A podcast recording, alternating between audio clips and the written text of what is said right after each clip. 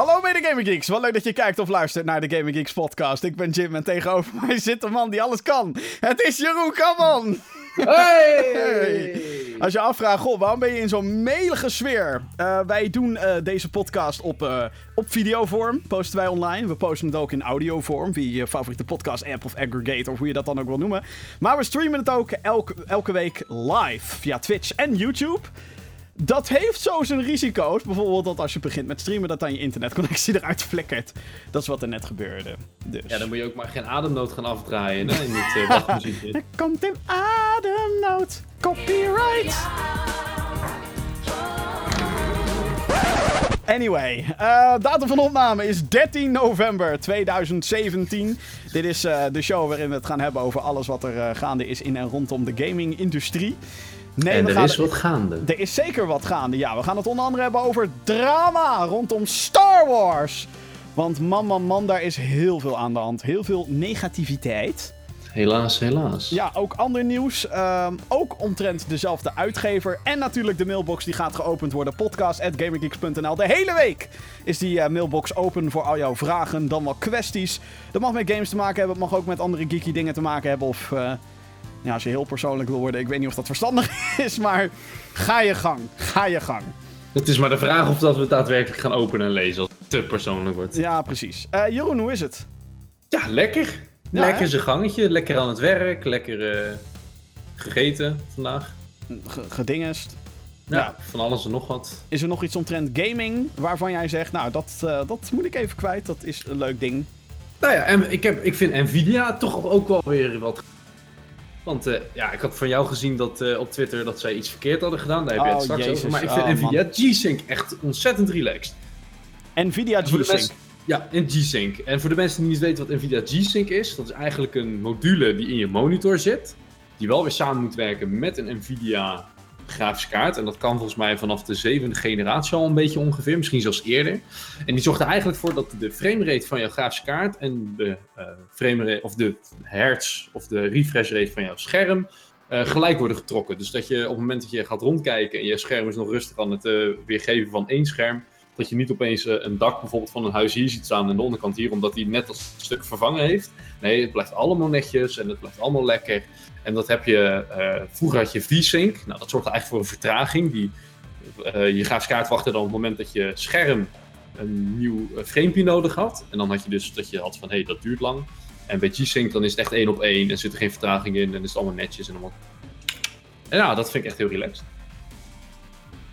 Want het is eigenlijk een beetje een vervanging van het hele uh, V-Sync gebeuren, hè, wat je normaal hebt. Ja, ja, ja, ja. En je hebt dan ook nog uh, van AMD de tegenstander, dat is FreeSync. Free heel raar. Het is namelijk gratis ingebouwd in monitoren. Of tenminste, je betaalt er niet veel meer, meer voor. En bij ja. Nvidia betaal je gewoon bijna 150 euro extra op een monitor als het er wel in zit. Maar uh, ja, mij hebben ze over. Ja, ik heb het dus ook een beetje... Ik ben namelijk op zoek wel naar een nieuwe monitor. Want ik heb dit, uh, nou, dit ding waar ik nu op naar, naar kijk, letterlijk... Dat uh, heb ik echt al, denk ik, vijf jaar of zo. En het, doet het allemaal nog prima. En ik heb niet heel veel te klagen. Het is alleen wanneer je inderdaad kijkt op onder andere gaming events. Nou, oeh, kijk eens hoe mooi die ene monitor is. Dan is het toch wel even van, mm, ja, misschien moet ik toch een keertje overstappen. En, en een hogere resolutie is natuurlijk ook handig. Want ik zit nu op 1080p. En uh, nou ja, naar 4K overstappen vind ik nog een beetje onzin. Want de meeste games kunnen toch niet boven de 30 frames per seconde komen. Zeker niet met de videokaart die ik heb op True 4K. Maar een 1440 1440p, zeg maar dat. Ja, ja, dat ja, lijkt 2K. me dan. Ja, 2K, ja, soort van 2K. Ik vind altijd. Ik vind dat hele K gebeuren. Vind ik zulke marketing bullshit. Dat iedereen Is zegt: Oh, ook. 4K is vier keer beter dan, dan 1080p. Nee, want Ja, je, moet- je 1080p moet even gaat kijken over... naar de hoeveelheid pixels je hebt. Ja. En het, laten we dit vooropstellen: 4K is twee keer zoveel pixels als 1080p. Niet vier keer. Ja, is dat zo? Nou, het is, ja, bijna. Het is allemaal in verhouding natuurlijk, hè. Maar je hebt zeg maar 1080p en dan is 4K is dan eh 3,9 zoveel of 3,8 zoveel Ja, bij maar je vergeet 2000 natuurlijk, pixels. je moet, je moet niet de, de breedte vergeten hè? en de, Ja, de nee, hoogte. Want je hebt Ja, nee, dat- 4000 bij 2000. Ja, dat zeg ik. Maar 1080p slaat natuurlijk op het andere getal. Ja, precies. precies. Vandaar. Dus de- vandaar dat mensen denken, oh, het is vier keer zoveel. Maar dat is marketing bullshit. Ja, er is, er, er is heel veel marketing bullshit in dat soort werelden. Ja. Maar je kan gewoon wel zeggen dat eh, de resolutie, gewoon de, de kwaliteit van, van apparatuur en materiaal wel echt veel beter wordt. Ja, tuurlijk. Alles wordt veel beter. Maar, eh, want ik heb dus ook even gekeken. En dan kom je inderdaad tot de conclusie dat, het, dat monitoren met G-Sync ingebouwd fucking duur zijn.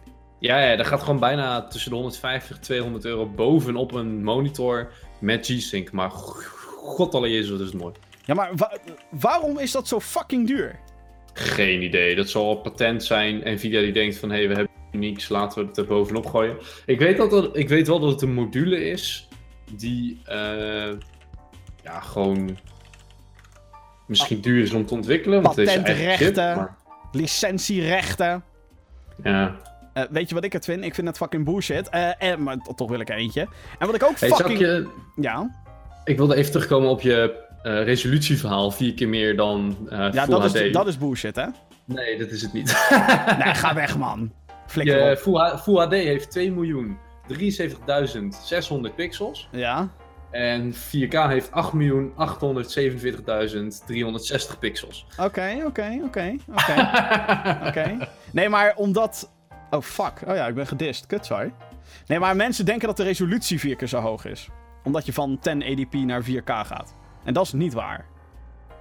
Nou ja, je hebt meer pixels. Ja, je hebt meer pixels. Maar Ja, Dus in principe is dat je resolutie. Ja maar de verhouding is niet... Nou, whatever. Nee, De verhouding is niet vier keer meer. Nee, nee, hier ben jij veel beter in vier keer meer de hoeveelheid pixels. Oké, oké, cons- consider me dist. Dat is een goeie, oké. 4K monitor, hier komen we. nee joh. Nee, ik vind... Nee, je moet het vooral nog niet doen. Alleen op Netflix heb je leuke 4K Ultra. HD dingen, maar films... ar, ar, ar, ar, illegaal downloaden is nog niet echt eh, in 4K aan te raden. En ja, films op Blu-ray 4K, zijn die er al heel veel? Die zijn er al wel, maar ja, de, de tijd van Blu-ray... eh, de tijd van Blu-ray is voorbij. je zet je zorgen maar opzij. Vandaag begint de lange weg naar Netflix. Naar Netflix. Maar digitale content. En naar de nieuwe Disney streaming service, want ze halen alle films van Netflix af. Ja, dat wordt echt En ze gaan Dat hun wordt- eigen shit beginnen met een nieuwe Star Wars serie. Fuck you Disney, fuck you Disney. Ga het kopen, ga het kopen. Fucking Disney, Monopoly. Je geeft geld toch al uit. Hier, hier zo. What? Take my money. Here. Anyway. Ben je op een straatje, nu ben je blut. ja, het is wel zo hoor. Als je één keer bij het, in hun in de clean shit, you fucked. Oh ja, you get fucked, mate. Disney. Haha, give me my money, bitch. Oh, je gebruikt een lightsaber in je film? Mmm, Oh, rechten. oh, oh. Mm. Give me those licensing fees, motherfucker. You like Echt, Star? Wars? Go see a movie every year. We make a new trilogy, bitch. You want to see the movies at home? Fuck you, Netflix. We want all the money. Al dus Mickey. Officieel statement van Disney. Nee, eh, Nvidia kan eh, van mij deze week een beetje de tering krijgen. Eh, ik Ja, heb dat dit had ik al, gelezen, ja. ik heb dit al heel vroeg gementiond, of heel eventjes gementiond in mijn Assassin's Creed Origins video. Ik heb namelijk... ehm, Nvidia Shadowplay is een opnameprogramma. Of althans, het is een functie die in je software van je grafische kaart zit. Een stuurprogramma, als het ware. En daarmee kan je dus jouw gameplay opnemen. Waar het niet dat, alhoewel dat bij Nvidia Shadowplay best goed gewerkt heeft de afgelopen, nou pak een beet, dat kan je niet overdrijven, drie jaar? Dat zou ik voor de lol zeggen drie jaar. Ehm, de laatste tijd wordt het alleen maar kutter en kutter en kutter. Ja, en eerst dacht ik, Jim, wat zei ik je nou? Niet zo aanstellen, jongen. Het ligt aan jouw computer. Maar ik merk het ook. Weet je wat het allerkutste nog is? En dat, dit vind ik echt schandalig. Het begint en het, eh, dan op het moment dat iets. Oké, laat ik dit zeggen. Eerst werkte alles gewoon. En nu weigert dat ding fucking mijn gameplay op te nemen. Wat in deze drukke periode als content creator op YouTube of whatever. best wel een ding is. Als je eh, stuurprogramma ineens weigert om gewoon Wolfenstein 2, Assassin's Creed Origins, Call of Duty WW2, South Park The Fractured Butthole, whatever. Het weigert gewoon shit op te nemen. Het weigert ook mijn desktop op te nemen. Het En- en ik werkt merkte het gewoon al. niet. Nee, precies. En ik merkte het al. Met, eh, je kan onderin dan je frames per seconde in een game laten zien. En bij de ene game doet hij het spontaan wel. Ja. op- en bij de andere opeens niet meer. En dan kan ik het wel opnemen en dan kan ik niet opnemen. Dan wil ik opnemen en dan neemt hij mijn desktop op in plaats van de game die daarop draait. Soms doet hij dat dan weer wel. Dus het is te onzeker opeens. Ja, en dit is natuurlijk alleen een probleem waar je echt tegenaan loopt als je, hè, jij en ik bent. Als je dingen wil maken voor op YouTube of op Facebook, waar, waar je je content ook kwijt wil. Ehm, dus het is in die zin echt een heel erg niche gezeik. Maar wat ik dus echt. En, en op het moment dat iets niet werkt, dan ga je ook ergeren aan de andere dingen die niet kloppen. Aan bijvoorbeeld een Nvidia Shadowplay. Waarom?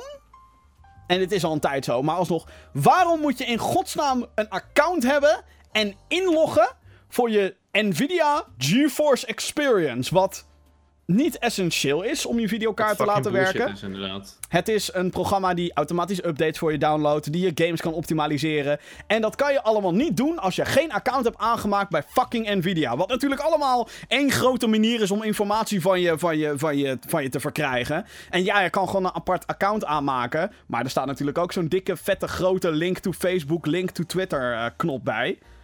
Wat ik ja. echt gewoon bullshit vind. Ik, ik, ik haat dat. Als ze van die Hetzelfde met, met, met, met sommige games dat ze ineens zeiden: Oh, hey, wil je dit spelen? Maak je Ubisoft-account. Fuck you. Ik heb toch al een PlayStation-account? Fuck off. Nou, wat ik heb begrepen is dat ze met GeForce Experience bepaald ook een soort van counter uh, erbij willen doen van hoeveel je behaald hebt en daar ja. misschien weer shit aan koppelen. Maar dat hoef ik van Nvidia helemaal niet. Rot heb ik op Maak, met die extra Zorg gewoon dat die shit werkt. Ja, en dat ik mijn games ermee kan instellen, maar ga er niet een of andere, wat is het? Uh, Heel platform uh, van maken. En, en, maken. en ja, het is echt. Uh, nou goed, het is allemaal een beetje. Nogmaals, het is een beetje niche geklaag. Maar goed, het hoort er allemaal bij. Uh, heb je nog iets gespeeld verder? Uh, ik moet zeggen dat het deze week een beetje ja, karig is geweest. Een beetje Heroes of the Storm en een beetje...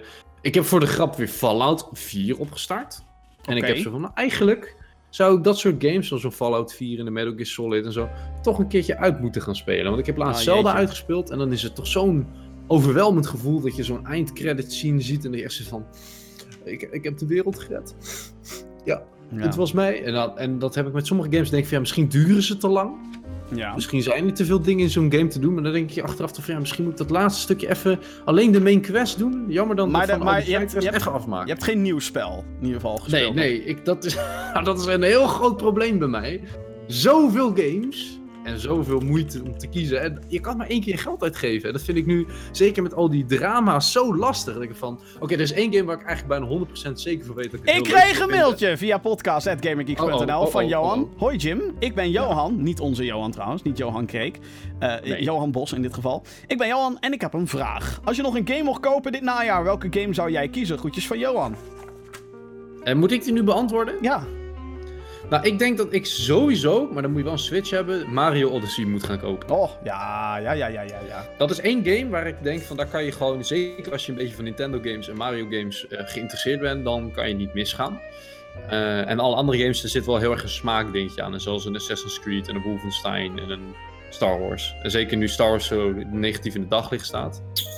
Ja, dat, uh, daar komen we zo meteen inderdaad op terug. Ja, ja, ja. nee, maar ik denk, uh, kijk, ik vind Wolfenstein 2 vind ik echt gigantisch lauw. Want ik heb Wolfenstein, de New Order en zo, uh, die vond ik echt super geniaal. En toen dacht ik zo, nou, die Wolfenstein 2 die komt al. Maar toch zit mijn interesse het meest bij Star Wars Battlefront 2 en bij Mario Odyssey. Ja. En zeker met het hele verhaal wat er nu gaan is over Star Wars, denk ik dat Mario Odyssey er eerder gaat komen dan Star Wars. Maar dat... Ik uh, zit... Dat veranderen, maar... Ik uh, ga even doorspieken naar die release-lijst die wij zo meteen ook uitgebreid gaan behandelen. Maar, ehm... Ja, ik denk Star Wars is toch wel eentje waar ik toch ook stiekem benieuwd naar ben. Maar... ik heb al dingen gezien van die game die er wel uh, echt super uitzien. Misschien zou ik nog Shadow of War willen spelen. Maar ook dat hele lootbox gebeuren rondom die game is toch... Uh, ja, ik kan er niet tegen. Nee. Ik vind het een beetje, een beetje kut. Um, ja, zullen we het even over Wolfenstein 2 hebben dan? Want ik heb die game wel al zitten spelen natuurlijk. Nou, vertel, uh, vertel, er staat vertel. ook een video online op GamerGeeks.nl waarin ik mijn eerste impressies geef over Wolfenstein 2. De New Colossus is dat uh, voor de duidelijkheid. En um, nou, ik heb het er al eerder over gehad. Het is een heerlijke motherfucking knalgame. En ik ben nu wat verder. Er was één grote irritatie namelijk um, bij dat spel. En dat is dat... Uh, het is een first-person shooter trouwens. En het is een game waarin over de top actie centraal staat. En de manier hoe die game speelt is zo ontzettend bruut.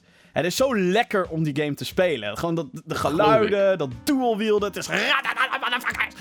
Um, fuck you, nazi's. Het is gewoon echt fuck you, nazi's, de game. Dat- dat- Fuck you, Nazis, Ja. game. Eigenlijk wel. Maar een groot probleem was, in, het, in de eerste aantal uren heb je maar 50 health. En nu kan ik best wel, ik bedoel, een keertje doodgaan in een game vind ik niet erg. Maar ik had wel dat als ik doodging, dat ik het idee had van, wacht even, ik lette één fractie van een seconde niet op. En ik ben helemaal didden. En dat komt omdat je niet heel veel health hebt. Dus het was wel een dingetje waar ik mee zat. eh, de eerste paar uur. Maar, gelukkig is het wel zo dat er op den duur iets in het plot gebeurt waardoor je ehm 100 health krijgt. Weer. In het begin... Het klinkt wel pittig hoor, als ik het zo hoor. Nou ja, het is. Het is het- ik bedoel, het, het ligt er natuurlijk ook maar net aan op wat voor difficulty je hem zet. Ik heb hem op de. ehm, ja, er zijn vier difficulty settings. Volgens mij heb ik hem op de derde gezet. Oké. Dus je hebt die I, eh, I'm too young to die. Dat is dan zeg maar, je bent een baby, je bent veel te fucking easy. Dan heb je ja. een soort van easy. Dan heb je medium en dan heb je hard. Ja, dat hard, dat bewaar ik altijd een beetje voor eh, als ik hem al een keer heb uitgespeeld. Tenzij... eh, tenzij ik... Tenzij het Doom is, basically. als het Doom is, dan moet hij op ultra violence gespeeld worden. Maar... ehm, ja, nee, Wolfenstein 2, het is een motherfucking grote aanrader. Ook trouwens, omdat er een fucking vette bonus in zit. Jeroen, dit ga jij helemaal fantastisch vinden. Eh, dit kan je als een spoiler beschouwen, denk ik. Maar Nou, het voor gaat iedereen die daar bang voor is, oren dicht. even je oren dicht. Ehm, want Wolfenstein in New Order had van die... eh, en die Old Blood hadden van die old school Wolfenstein levels. Van die Wolfenstein 3D dingen. Ja. Ehm, dus ik dacht eigenlijk eerst van hoe vet zou het zijn als ze een level van Return to Castle Wolfenstein in Wolfenstein 2 de New Colossus zouden douwen. Dat zou fucking grappig zijn. Dat hebben ze niet gedaan. Wat ze wel hebben gedaan, en dit vind ik echt te cool voor woorden. Ze hebben Wolfenstein 3D helemaal in Wolfenstein 2 gestopt.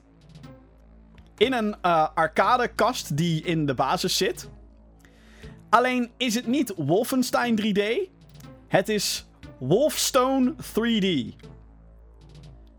Wolfstone 3D. Ja, want eh, het plot van Wolfenstein 2 is dat eh, Amerika is overgenomen door de nazi's.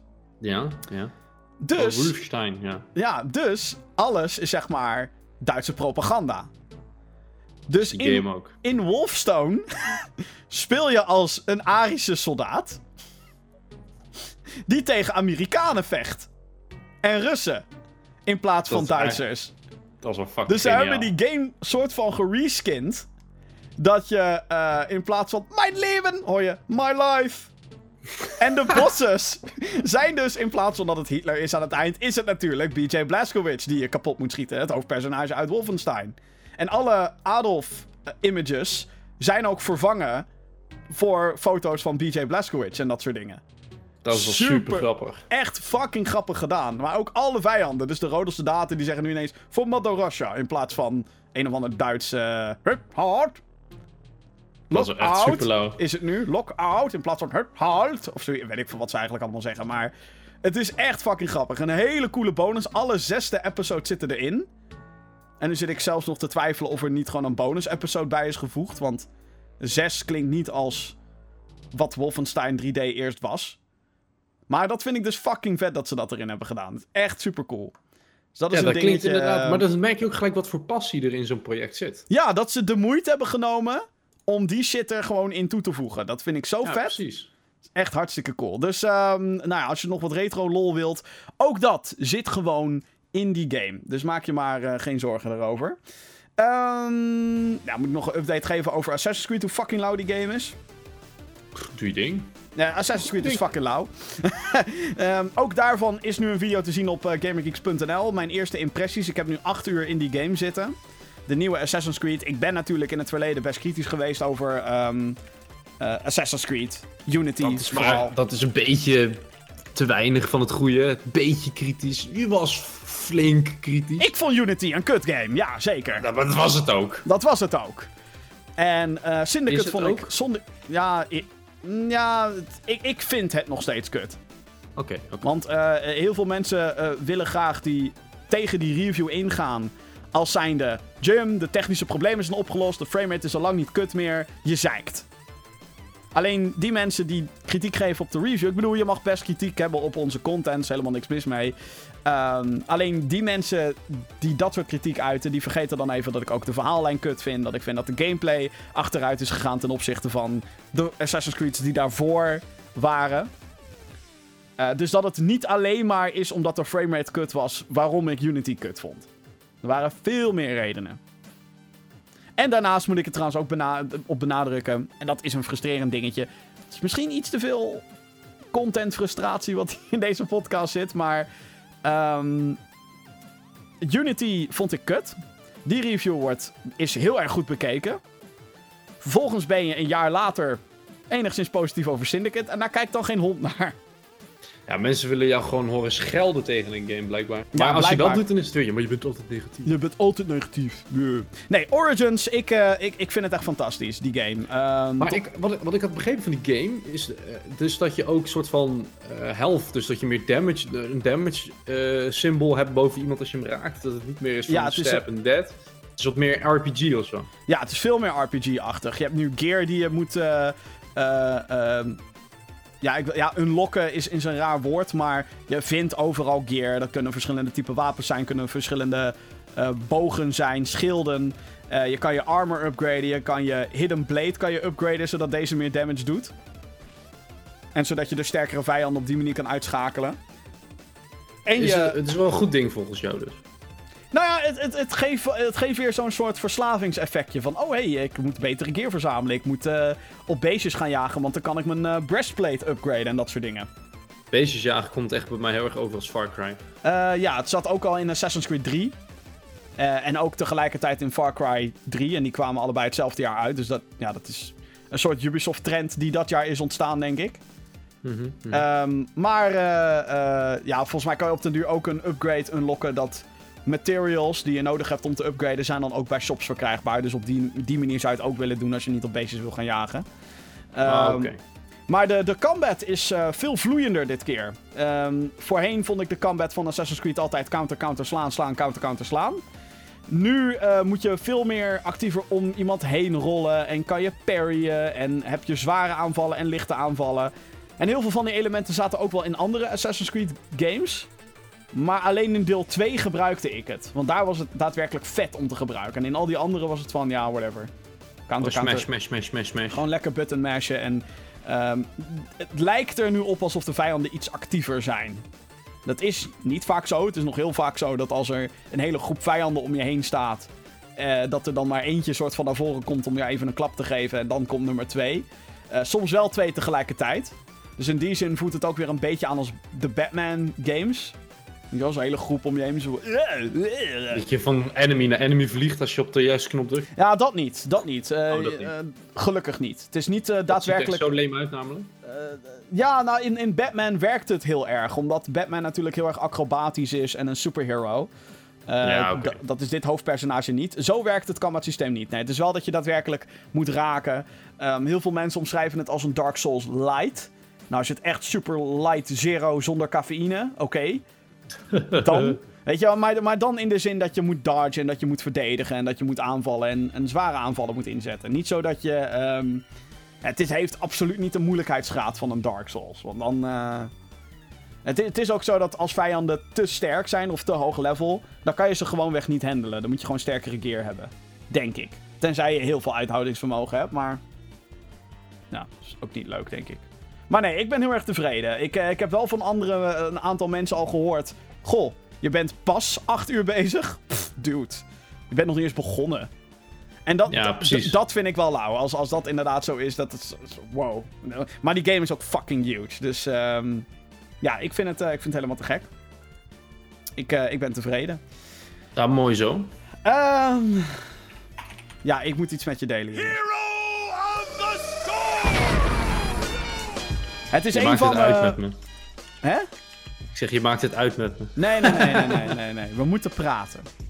Ja, vertel. Heroes of the Storm. Ik heb het er heel vaak over gehad. Het is een van mijn favoriete games van de afgelopen paar jaar. Ik vind het fantastisch. Het is, een, uh, het is de MOBA van Blizzard. Uh, Blizzard Entertainment, de makers van Warcraft, Starcraft, Overwatch, uh, Diablo. Dat is die andere. Die negeren zij ook altijd, dus maakt niet uit. Al die characters die zijn speelbaar in die MOBA. Althans niet alles, maar langzaam maar zeker komen er meer characters bij. En al die universes komen daar bij elkaar. Mhm. Als mensen zeggen, hey, die game lijkt op League of Legends, dan zeg ik altijd, dude, nee. Ja, Ja, het lijkt erop in de zin van, het is een MOBA, je moet de enemy core moet je kapot maken en er zijn torens die in de weg staan om dat te kunnen doen. Ehm, maar het heeft zich altijd gedistanceerd, omdat er onder, je hebt onder andere te maken met team experience en je hoeft geen items te kopen, er is geen last hitting aanwezig, tenzij dat specifiek is voor een bepaalde eh, beeld van een personage. Dan heb je wel met last hitting te maken. Maar over het algemeen niet. Over het algemeen is het. Mhm. Je zou het meer casual kunnen noemen. Maar eh, ik, ik vind het nog steeds zijn diepganglevels hebben. Ik kwam er afgelopen week pas achter. Dat Blizzard op BlizzCon, hun jaarlijkse event, waarin ze heel veel aankondigingen doen. Vorige week heb ik het daarover gehad. Daar hebben ze dus kennelijk ook iets aangekondigd wat betreft veranderingen in Heroes of the Storm. Ik heb er wel wat dingen van gehoord, maar vertel welke jij bedoelt. Veranderingen die wat mij betreft de game compleet naar de klote helpen. Ja? Allereerst, de torens in Heroes of the Storm Oh ja, ja, ja. hebben altijd munitie.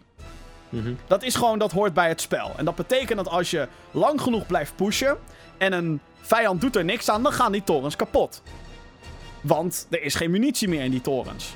Hier zijn sommige characters ook omheen gebouwd. Dat ze continu druk uitoefenen op een lane. Totdat die torens leeg zijn, geen munitie meer hebben.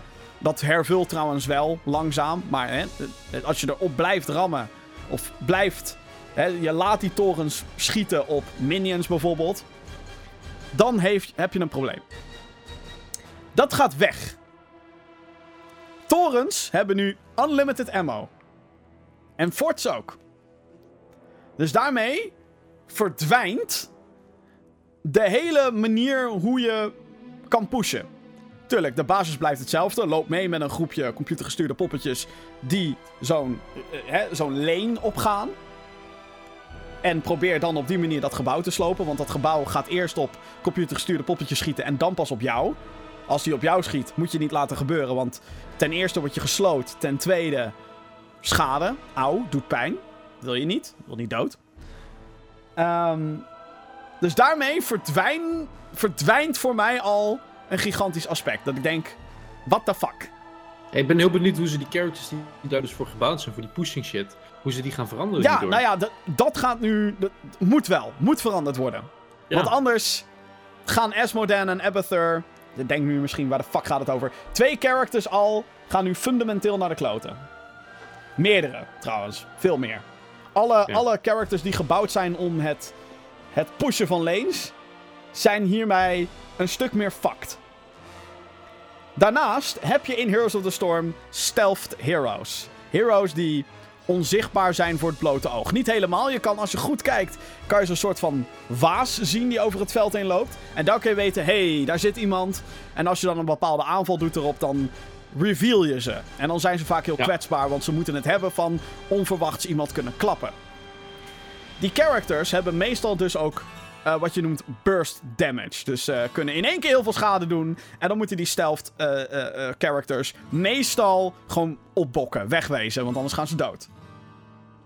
Dat gaan ze veranderen. Stealth heroes zijn zometeen veel beter te zien.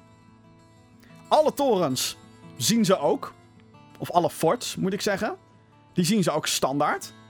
Eerst was dat alleen de achterste linie. Nu zijn alle linies, die, die zien ze. Echt gefakt, ja. Dus het hele verrassingseffect verdwijnt hierbij een beetje. Want je kan ze best duidelijk zien nu. In ruil daarvoor worden die characters nog sterker. Met als gevolg, oh kijk, een onzichtbare, soort van onzichtbaar. Eh, get the fuck out, mate. Want burst damage is fucking hoog. Hoe de fuck ga je dat balancen? Dat hebben ze nog niet aangekondigd. als je stilstaat ben je dan toch wel helemaal onzichtbaar of zo? Ja, zoiets ja. Nou, Dus je wordt nog harder gebufft. Je bent helemaal onzichtbaar als je stilstaat. Oké, ja, je bent iets beter te zien. What the fuck? Waar is die balans gebleven? En, ook nog een ding. Elke, eh, je hebt verschillende levels in Heroes of the Storm. Ongeacht eh, de main mode, zeg maar. Dus 5 tegen 5, meerdere levels.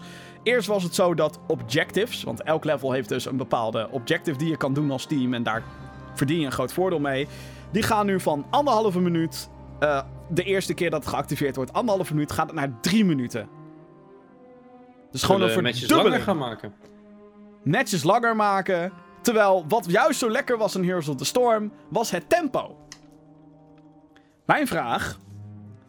Wat de fuck ben je aan het doen, Blizzard? Bij vraag, waarom dat tempo veranderen? Nee, what the fuck? Het is nu. Het begint Ja. nu op fucking League of Legends te lijken. ja, ja, ja. ja. Toren de zo. game Oh ja, en, en, de, en de extra toren die bij, ehm, bij elk fort staat, verdwijnt. Echt waar? Ja. Dus nog zo'n League of Legends dingetje. Wat de fuck ben je aan het doen, Blizzard? Waarom spelen de mensen niet League of Legends, wat een van de populairste games ever is? Waarom spelen, eh, zijn, zijn er een groep mensen die niet dat spelen, maar Heroes of the Storm? En dat als ze overstappen van League of Legends naar Heroes of the Storm, is dat omdat Heroes of the Storm zijn eigen unieke dingetjes heeft. En nu ga je veel meer, ga je die game soort van proberen naar League of Legends te drijven. Doe dat anders even fucking niet of zo. Ja, laat het even met rust of zo. Ik ben echt zo, ik ben zo worried gewoon. En inderdaad, je had het al over Salt. Nou, één groot voordeel wat er nu bij komt. We krijgen eindelijk fucking voice chat in 2018. Maar daar zit je toch niet op te wachten, alle geschelte gezeik. You suck, what? Ik weet nu al dat ik ga, play, ik ga trollen als een motherfucker. What? No money? Yeah. Maar ja, ik vind het Gewoon kut. Arnold Schwarzenegger eh, soundboards for life. Nou. Het is geen Arnold, maar het idee is er. Dus, ehm ja, I'm not happy. I'm not a happy HOTS player right now. This is not my HOTS, mate. Ik ben bang. En dat, ik vind dat Is, een... eh, is Sparta. ja, maar ik vind het, ik vind het een, een, een eng gegeven om te weten dat... De, de game waar je heel erg dol op bent... Kijk, weet je, als een game waar je, eh, eh, die je heel lang online speelt... dan kan het zijn dat er op een gegeven moment... of er zijn te veel hackers... of er spelen bijna geen mensen meer. Dat, dat gebeurt. Maar het kan natuurlijk ook zijn dat een ontwikkelaar gewoon een game... compleet verneukt naar jouw idee. En dit, dit, dit zijn de eerste stappen. Hots wordt League of Legends. Jim. Ik begrijp dat je bang bent voor verandering. Laten we maar hopen dat wat ze doen, dat het uiteindelijk goed uitpakt voor de game. Maar ik begrijp je angst. Ik ben echt, ik ben zo bang. ik ben zo bang. Maar geef ze een kans. Ja, nee, tuurlijk. Hallo, ik speel HOTS al fucking 2,5 jaar, dus... eh, 2,5 jaar? Is het nog maar zo lang uit? Ik dacht heel veel langer. Nou ja, eh, nou, langer. Eh, ik speel al sinds de, ik, ik speel al sinds de closed beta. Ik weet dat ik nu als een soort elitist klink. Van, oh ja, hallo, ik speel zo lang, dus ik vind gewoon dat het allemaal naar mijn maatstaven moet. Veranderingen zijn op zich prima, maar hou wel het unieke in je game. Dus. Laten we gaan naar eh, het nieuws van de afgelopen week, want er is een hoop gebeurd. Ehm, wat betreft Star Wars, daar gaan we het zo meteen over hebben. Allereerst! Niantic! De ontwikkelaar van Pokémon Go. Zij gaan een nieuwe game maken. 2018. Dan komt Harry Potter Wizards Unite komt uit. En ja, dat gaat ook een game worden met augmented reality technologie. En dingen. Eh, het is een, een game waar al heel lang het gerucht van gaat. En waar al een paar documentjes her en der gelekt waren. Van, oh hey, Niantic heeft iets van trademarks laten vastleggen. Warner Brothers eh, komt met... eh, God, hoe heet het? Portkey Productions of zo. Ze hebben een extra subdivisie, nieuw bedrijf opgericht. Die de ontwikkeling van Harry Potter games gaat sturen. Onder andere dus deze game. Ehm, ik vind het best vet. Harry Potter is een, een, ehm, ja, een franchise waar ik heel veel mee heb. En meer dan... Ja, ik weet niet. Misschien niet meer Nou, dan Pokémon. niet meer dan Pokémon. Is Pokémon Go al af? Nee, Pokémon, Pokémon Go wordt nog steeds geüpdate. Er zit nu Generation 3 in. En volgens mij zijn we inmiddels bij Generation 7 of zo. Ja, maar die game is toch ook zo incompleet als de neten. Nou, ze voegen steeds meer dingen toe. Ik ben het met Ja, je eens dat het veel te, ehm, veel te laat allemaal in gang is gezet. Ik denk dat Ja. heel veel Pokémon Go-spelers het daarmee eens zijn. Ik heb zelf Pokémon Go nooit gespeeld. Maar er zijn dus nog steeds iets van 200.000 mensen alleen in Nederland... die de game dagelijks nog opstarten. Wauw. Dus iedereen die zegt, oh, Pokémon Go is dood. Bullshit. Je lult bullshit. Harry Potter Wizards Unite gaat natuurlijk nooit zo'n groot succes worden als Pokémon Go. Never. Die hype haal je nooit. Ook het dagelijks aantal spelers niet. Maar ik ben vooral heel benieuwd hoe ze het augmented reality, oftewel waar je bent, eh, hoe ze dat gaan implementeren in Harry Potter.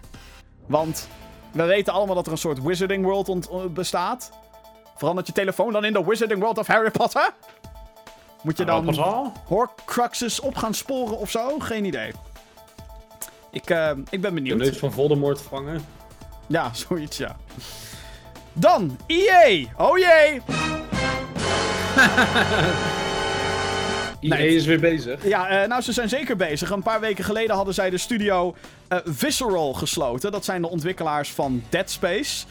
Ik vond dat ontzettend kut. Gezondheid, Jeroen. Ik zag dat je op de stream... eh, oh, hij niest nog een keer. Je hoort het niet op de podcast. Nee, ik, heb, ik heb mijn microfoon gemute, dan is hij gelijk doof. dankjewel, dankjewel. Eh gezondheid. Eh Dank je. EA had een paar weken geleden dus Visceral gesloten, de ontwikkelaar achter Dead Space. Die waren ook bezig met een Star Wars game. Ik vond het heel erg jammer. Zeer getalenteerde studio. eh, als je kijkt naar de games die ze hebben gemaakt. Ehm, en nu weten we ook soort van waarom. Denk ik. Oké, het nieuws is... EA heeft Respawn Entertainment gekocht. Dat is de studio achter Titanfall. Eh, Yep. Daar hebben ze 400 plus miljoen dollar voor neergelegd. Dat is een flink bedrag. Eh, en de vraag is natuurlijk, goh, heeft, is dat samenhangend met, ehm, met Visceral dat die gesloten is? Het is natuurlijk een hele discussie eh, waardig. Je zou kunnen zeggen, ja natuurlijk, want hey, dat geld moet ergens vandaan komen. Aan de andere kant zou je ook kunnen zeggen dat die tw- twee dingen gewoon losstaand waren. Dat de Star Wars game er niet goed uitzag van Visceral. En dat ze daarom dachten, eh, oké, we sluiten gewoon Visceral. En we kopen Respawn. Eh, een van de redenen zou kunnen zijn waarom ze die ontwikkelaar kopen, is omdat Nexon, dat is een andere uitgever, had al een bod gedaan op de studio. Waardoor EA waarschijnlijk de druk voerde van, oh kut, we willen die studio toch niet kwijt.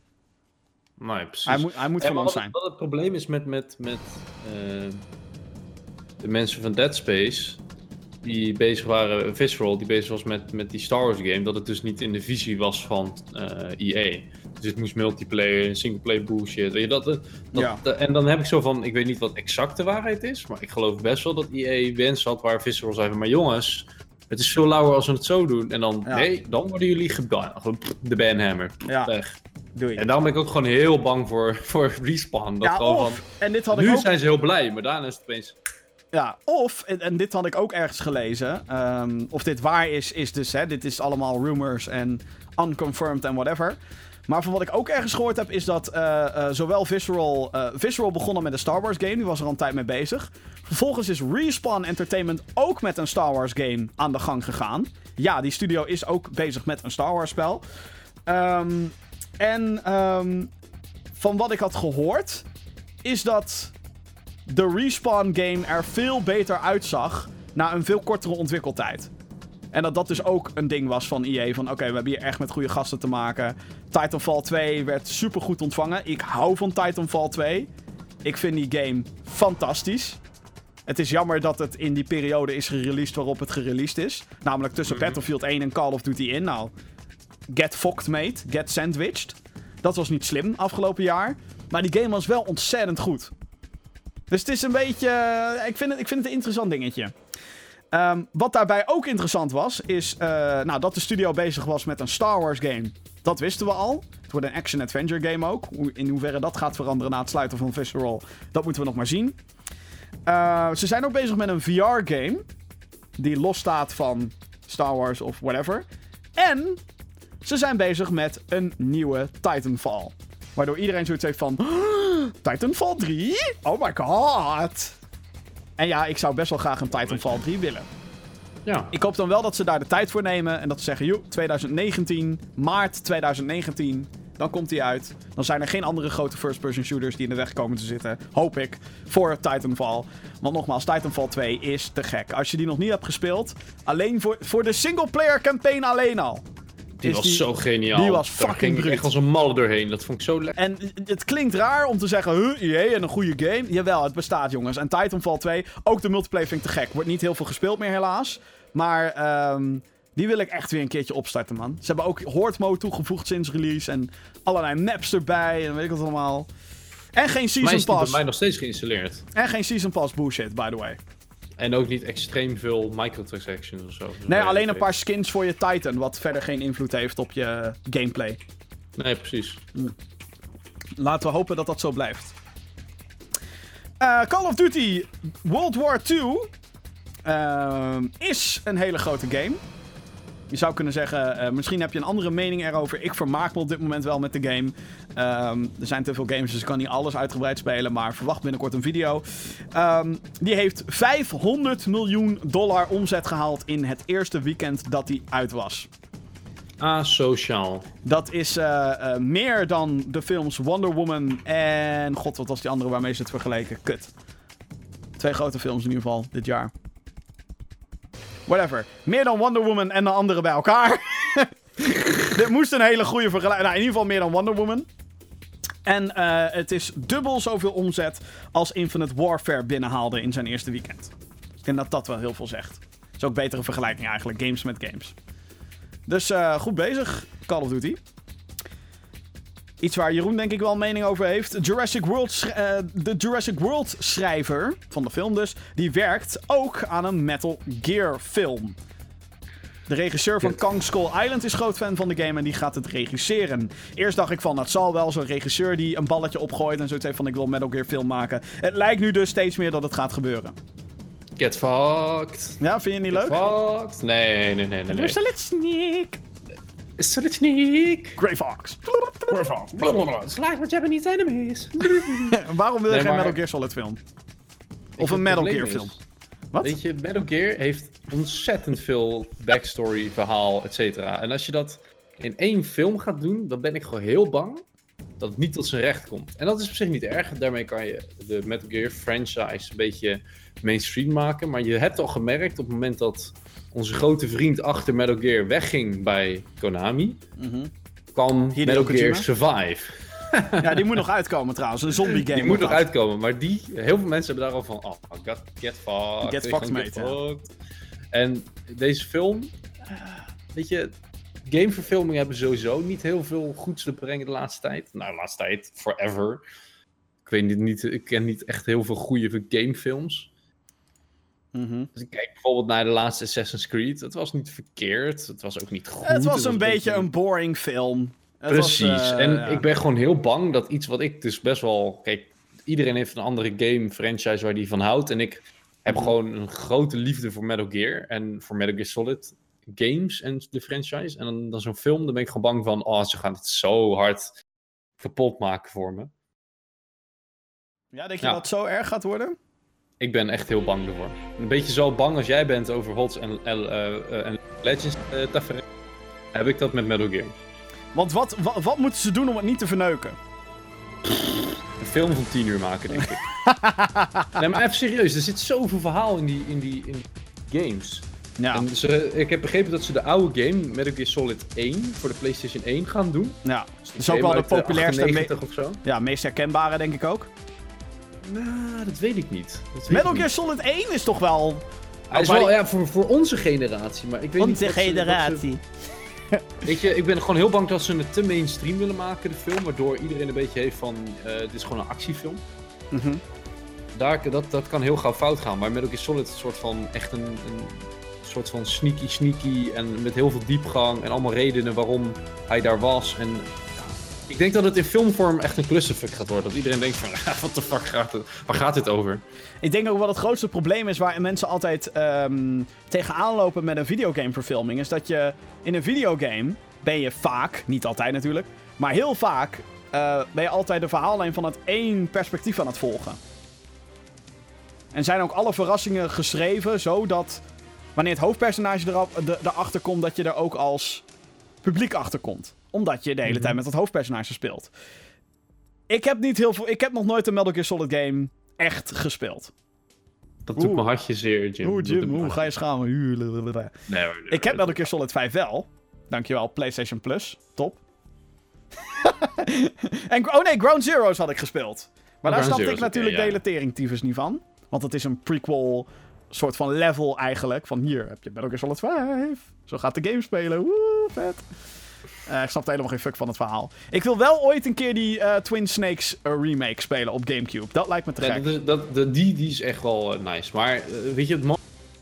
Ah, ja, ik kan mijn liefde niet zo, zo compact uitleggen. Maar ik raad je wel aan om desnoods, voordat je 5 gaat spelen, dan Metal Gear Solid 4 gespeeld te hebben. Ja, dat, Of- maar dat, nee, nee, nee, van wat nee, ik dus ik lees... Wat ik Snake dus, Eater. Snake Eater moet je spelen. Ah, dat is deel drie. drie. Ja. Ja. ja. Ja, maar daarom, weet je, als je. Ik denk dat als je met Metal Gear Solid begint, dat je ze echt allemaal moet spelen. Of alle Nou, hoofddelen. zich hoeft niet allemaal, maar je, je moet wel... 1, 2, 3, eh, laat me 4 zo moet zeggen, toch Als je gaat kijken naar de, de, de, de volgorde van delen, is eh 1 en 2 zitten achter elkaar. Dan krijg je 3 eh Peace Walker en, en deze die zitten achter elkaar. En dan heb je deel 4, die komt eigenlijk na deel 2. Dus de tijdlijn Ja. wordt echt fucked up als een malle, maar als je een beetje die, die, die, die, die eh, delen een beetje achter elkaar speelt, dan, ja, dan begrijp je het verhaal misschien wat beter. Ja. Dus als je gelijk met 5 begint, zit je echt zo van... Waar is hij? Waarom is hij zo boos om dit? Waarom doet hij dat? Wie de fuck is dat? Ik, ik zou het wel heel vet vinden als we deze tune in de bios horen. Oh ja, dan, dan krijg je echt rillingen. Ik bedoel, ik, ik heb Metal Gear Solid nooit gespeeld, maar dit is een van de beste videogame soundtracks ever. Gewoon dit. Dit deuntje. Ook al is dit van officieel van deel 2, maar dat maakt niet uit. Het is wel de definitive versie. Maakt niet uit, het is een goeie. maakt niet uit, het is goed man, het is goed. Is, is goed. Ehm, er is een nieuwe Nier game in pre-productie. Is al eh, aan, nou, niet echt officieel aangekondigd, maar wel aangegeven door de ontwikkelaar. Platinum Games is dat, of althans iemand die achter de Nier-serie zit, heeft dat al soort van gehint. Van, oh hé, ja, we zijn nu een scenario-schrijver aan het zoeken voor de nieuwe Nier. Nier Automata kwam eerder dit jaar uit. Ik moet de game nog reviewen. oh, wat erg! Dat kwam in maart al uit. Oh, wat erg! Maar, ehm, ja, ik denk, kijk, als ik heel lang doe over het maken van een, van een recensie, eh, kan twee dingen betekenen. Of ik vind de game. Oké, nee, het kan drie dingen betekenen. Laat maar zitten. Mijn hele punt is al naar de kloot. Of het kan betekenen dat de game gewoon te huge is. Zelda Breath of the Wild. Of het kan betekenen dat ik de game niet zo heel tof vind. Nier Automata. Of ik heb gewoon te veel shit te doen. Vind jij Neer dat niet vet? Ik vind Nier Automata... eh, iedereen is er... eh, op internet is het, het algemene geluid van... Oh my god! Deze game is geniaal! Holy shit, het is zo geniaal! Het is zo mooi, het is zo goed! En ik zit het te spelen en ik denk... Ja, het is een middelmatige hack-and-slash game... Met inderdaad een interessante... eh, mysterieuze... opzet. Maar waarvan ik ook uiteindelijk denk... Ja wel cool. Maar daar- daarbij moet ik wel zeggen dat ik slechts één van de eindes heb unlocked. Maar de game is voor mij niet goed genoeg dat ik denk: oké, dit gaan we nog een keertje doen. En dan wil ik echt weten wat voor wendingen ze nu in het verhaal gaan brengen. Nee, dat geloof ik ook niet inderdaad. dus dat, Nee, eh, nee. dat is een beetje. Dat vind ik gewoon heel jammer. Want ik hou over het algemeen heel erg van Platinum Games. Gewoon lekkere, super slikke, stijlvolle actie. Ehm, maar dat zit in Neer Automata, naar mijn inzien, zit het er niet genoeg in. Helaas. Laatste nieuwtje. Bandai Namco die werkt aan drie exclusieve Nintendo Switch games. Sowieso gaat Nintendo de productie van de Nintendo Switch flink opvoeren. Ze gaan het verdubbelen in 2018. Ze verwachten eh, voor ehm, het einde van dit fiscale jaar... Dat is april 2018 geloof ik. Verwachten zijn 14 miljoen Switches te hebben verkocht. Dat is eh, meer dan de Wii U ooit heeft verkocht. De Wii U kwam tot 13 miljoen of zo. Ehm, in zijn gehele bestaande Wii U wordt ook niet meer in productie genomen. Dat ding is dood. Eh, wat mij betreft ook een kutconsole. En eh, je merkt nu dus ook dat meer partijen ehm, de steun bieden aan het apparaat. Waaronder dus Bandai Namco die drie exclusieve games gaat ontwikkelen. Wat dat zijn, dat weten we natuurlijk nog niet. S- Sowieso één Gundam game. Moet, moet gewoon. een Gundam game. Eh, ik denk ook een Naruto of One Piece-achtig ding. Oh man. Het is Bandai Namco.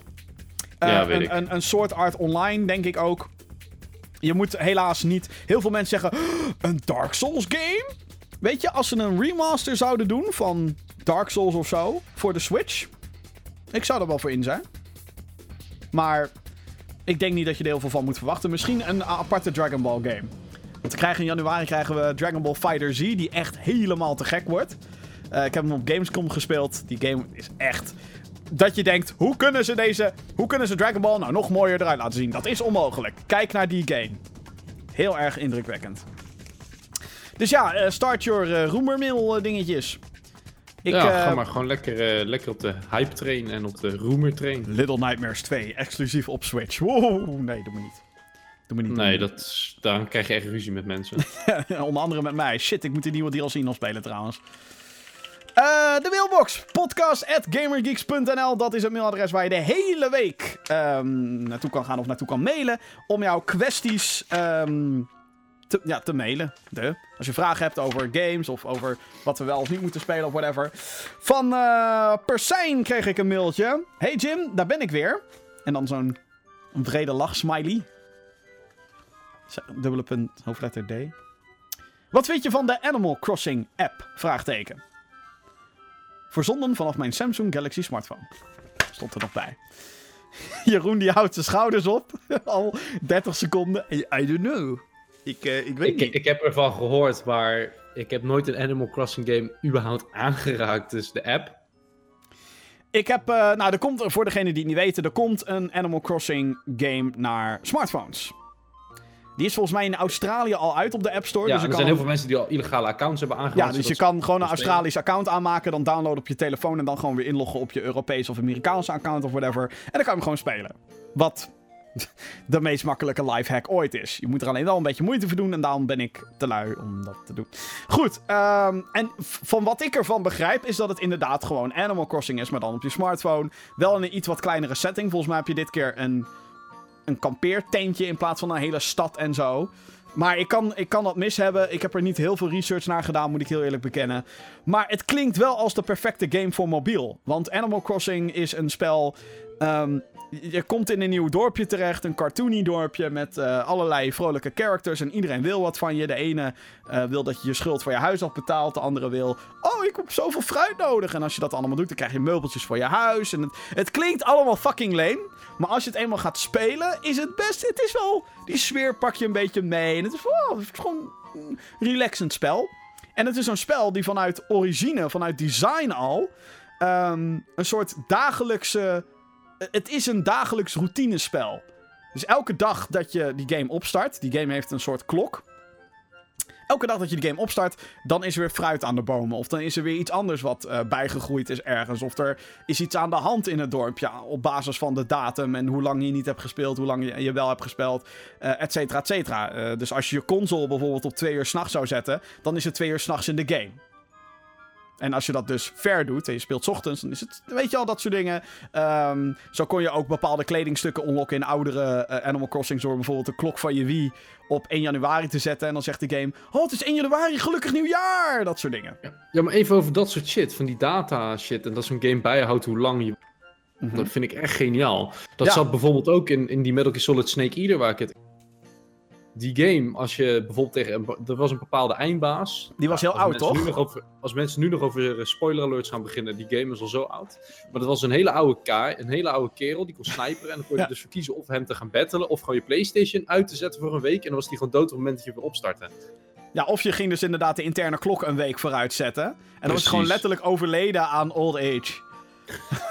Ja, het is Ja, maar dat soort dingen zijn lauw. En ook eten kon bederven en zo. Dat is echt Ja, bizar. ja, dat is fucking cool bedacht. En eh, nou, Animal Crossing gaat er een beetje over. En dat is natuurlijk perfect voor je telefoon. Gewoon, oh hey, Ja. ik pak even mijn telefoon erbij als ik me verveel. Ik doe eh, een paar appeltjes plukken en ik doe een paar dingetjes. En dan zet je die app weer uit. Dat, dat, dat is ook wat heel veel mensen trouwens doen met Pokémon Go. Oh ja, kijk even wat voor Pokémon er zijn. Kijk of die gym er nog staat. Of dit, eh, eh, hè, dit, dit punt bij mijn werk of bij eh, mijn school of whatever dan ook ik kom. Is die gym nog van mij? Nee, battelen. Weet je wel, het is gewoon een lekker routine dingetje. En daar past Animal Crossing ontzettend goed in. Dus ik denk, ehm goede keuze. Go- ja, gewoon goede keuze om op de smartphones te doen. Krijgen we dan nog wel een, po of een eh, Pokémon, een Animal Crossing op de Switch? Jawel. Jawel. Jawel. Tuurlijk wel, joh. En te veel fans op de Switch die dat willen hebben om het niet te doen. Precies. En eh, mensen zijn toch altijd wel op zoek naar de echte ervaring. Super Mario Run is in de ogen van heel veel mensen, en ook die van mij als ik heel eerlijk ben hoor, geen echte Mario game. Het is een hele versimpelde versie. En dat is Animal Crossing op mobiel natuurlijk ook. Alleen is de ervaring dusdanig kloppend dat het, ja, dat het wel echt Animal Crossing blijft. Althans, dat is wat ik heb gehoord. Ik heb het zelf niet gespeeld. Allemaal aannames. Maar voor mij ook lijkt het de perfecte game voor mobiel. Nintendo game dan, voor mobiel. Dan een mailtje van onze vaste luisteraar Helmons, de Helminator. Hey mensen! Iedereen speelt games. De meeste mensen spelen ze eerlijk. Maar soms heb je cheaters. Hebben jullie wel eens gecheat in games? In singleplayer games, online tegen vrienden of online tegen random mensen? En waarom deden jullie dat dan? Bedankt voor het antwoorden en tot later! Eh, de enige cheats die ik heb gebruikt waren singleplayer games. Dus cheats in de zin van een GTA met extra wapens, geld. En eh, bijvoorbeeld in Age of Empires dat je een kaart kreeg waarmee je kon schieten tegen de paarden aan en zo. Mhm. Maar ik heb het nooit in multiplayer durven doen überhaupt. Ik was altijd veel te bang dat ik geband zou worden. Ik heb vroeger heb ik eh, in de echt, echt, echt, echt, echt hele oude spellen. Heb ik ehm, ook altijd cheats gebruikt in eh, de first-person shooters vooral. Duke Nukem 3D, Doom, IDD, QD. Tik maar eens in, in Doom 1. God Mode, IDKFA. Alle sleutels, alle wapens, vol ammo. Eh, en had je er volgens eh, I- ID Clip. Dan kon je overal doorheen klippen, door het level. Dus kon je letterlijk gewoon door muren heen. En je game ging flippen als je daadwerkelijk buiten de boundaries van het level ging. Want wat de fuck moet die game dan doen? Eh, dat soort cheats heb ik vroeger heel vaak gebruikt. Toen ik eh, als heel klein jochie zoiets had van... Ik wil verder komen, ik wil weten wat er verder is. En ik wilde me gewoon all-powerful voelen. En dat voel je nou eenmaal als je in level 1 een rocket launcher hebt... en die kan je point blank op zombies schieten. Eh, dus dat zijn de cheats die ik heb gebruikt. In multiplayer... Nooit, eigenlijk. Ik, daar is natuurlijk ook de lol zit hem daar dan niet in. Je zou dan natuurlijk Ah, er kunnen zijn zeggen... genoeg mensen die het wel lol vinden hoor. Ja, in League of Legends. Nou, ehm ja, nee, ik, ik heb natuurlijk wel ervaring gehad met hackers. Eh, in Battlefront 2, de beta, is mijn meest recente ergernis, was het. Nou, ik zoiets dat van, ah, fuck. Eh, het allermooiste vind ik... En eh, goed, tegenwoordig worden er zoveel dingen gedaan om hackers en cheaters te voorkomen... dat het hopelijk ook niet meer heel veel voorkomt. Ehm, zeker in de cultuur waarin we nu leven is het extra riskant omdat je nu ook te maken hebt met geld die extra in die multiplayer modes wordt gestoken. En dan heb ik het niet alleen over een season pass, maar ook natuurlijk over die fucking lootboxes. Wat kut is. Ik kan me wel herinneren, eh, Jeroen en ik speelden vroeger een game dat heette War Rock. Oh nee. Een, een, een online first-person shooter. Volgens mij zo Aziatisch als de pleuris, maar dat hadden we toen nog niet door. ik ga het nu gelijk opzoeken. Eigenlijk een soort free-to-play Battlefield wilde het zijn. We hebben het best veel gespeeld, kan ik me herinneren. Het bestaat gewoon Het nog bestaat steeds. nog, het bestaat nog. Terwijl die game vol met hackers zit. Toen al. Toen al vol met hackers. En ik kan me een moment herinneren, er is een level in die game. En dat is een soort... Ja, het is echt een miniatuurversie van een Battlefield level. Dus aan elke kant van de map staat een soort van mini-basis. En dit is een game uit 2004. Dus heel veel... Toen de tijd speelden we dit. Dus je moet niet denken dat het hele hoogstaande graphics zijn. Maar er waren dus eh, best wel wat hacks gaande. Waaronder ook een wallhack. Of een cliphack. Je kon overal doorheen klippen. En ik kan me herinneren dat er één guy zat mij in de chat continu gewoon... Haha, ik heb je weer. Haha, ik heb je weer. Potje gamen, you suck. En dat soort dingen. Eh, en die guy hackte dus. Die liep te sniperen terwijl die soort van onder de grond verdween. Alleen, en dat is het mooie, sommige cheaters vergeten dan dat als je die cheats ook niet goed gebruikt, dat je dan alsnog gepakt kan worden. Dus die guy was aan het sniperen in een, in een heuveltje letterlijk, maar vergat dat zijn hoofd nog uitstak. Boven dat heuveltje. Dus ik kon hem gewoon neerschieten. Waardoor hij helemaal ging dreigen met: Oh, ik ga je reporten, want jij bent aan het hacken. Ik zo: Nee, dude. Check the replay, bitch. Dus ja, dat soort dingen. Vond ik een glorieus moment, dames en heren. Maar ik heb dus nu gezien dat Warrock die bestaat niet meer. Maar dezelfde maker heeft dus die Counter-Strike Zombies game eh, oh gemaakt. god. Ja. Ah. Ja. Wat een kutspel. Wat een klote spel. Maar van Warrock hebben we toen nog best wel genoten. Ja. Ja, ik kan me herinneren dat we daar best wel veel... eh, Ja. Weet je? Best wel veel Ja. lol mee gehad. Goeie tijd. Zeker. Eh, jeetje, er zijn heel wat mailtjes binnengekomen tijdens eh, het opnemen van de podcast. Uh, podcast.gamergeeks.nl Hi Jim, ik heb een vraagje. Ik ben van plan om Mario plus Rabbids te kopen. Alleen ben ik bang dat de game eentonig is. En dat hij gaat vervelen. Want vond jij hiervan? Had je de drang om door te spelen? Of dacht je, ik ben er wel even klaar mee? Ik heb, ehm, ik heb hem gespeeld. Hij is alleen op de Nintendo Switch. Ik vind hem leuk. Als je van, eh, een beetje van strategie houdt, dan denk ik dat die game je wel genoeg kan boeien. Ik heb hem nog lang niet uitgespeeld. Het is gewoon te druk qua games. Dus ik, eh, ik, het is niet dat ik ergens klaar mee ben. Het is gewoon dat er zoveel gaande is tegelijkertijd. Ik zit van, oh fuck, waar was ik ook alweer mee bezig? Ehm, dus dat. Ik vind Mario Plus Rabbids wel ontzettend... Het is vooral charmant.